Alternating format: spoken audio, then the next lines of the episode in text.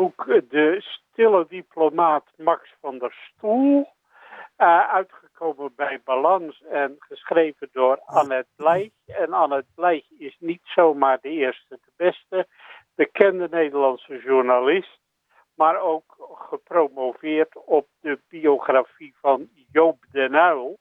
En dat was ook een schitterend boek. Nou, ze heeft die, die prestatie, mag ik wel zeggen, geëvenaard. En Max van der Stoel is ook iemand die zeker een biografie verdient.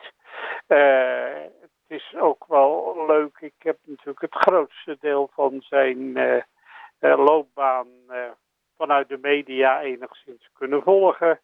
hij heeft een enorm aantal functies bekleed. Tweede Kamerlid, Eerste Kamerlid, twee keer minister van Buitenlandse Zaken trouwens Daarvoor is hij ook nog staatssecretaris onder Jozef Luns geweest. Uh, uiteindelijk lid van de Raad van State. En het Nederlandse volk zal zich hem misschien herinneren als degene die uh, de schoonvader van Willem-Alexander, meneer Zorjeta, heeft overgehaald om niet bij diens huwelijk met Maxima aanwezig te zijn. Ja. Omdat de man, eh, laten we zeggen, niet helemaal zuiver op de graad was ten tijde van de Argentijnse dictatuur. Uh, maar Van der Stoel heeft nog veel meer uh, dingen op zijn naam staan. Hij heeft het Griekse kolonelsbewind uit de jaren 70 van de vorige eeuw enorm bestreden. Uh, en daar is men hem ook naderhand heel dankbaar voor geweest. En ook in Griekenland een aantal straten naar hem genoemd. Maar hij week niet voor links en hij week niet voor rechts.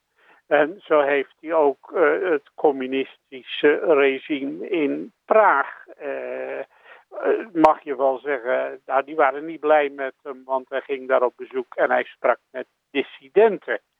En daarom heeft hij ook naderhand, toen een van die dissidenten, Havel, president van, van uh, Tsjechoslowakije werd, ook van der stoel een enorme hoge onderscheiding gegeven.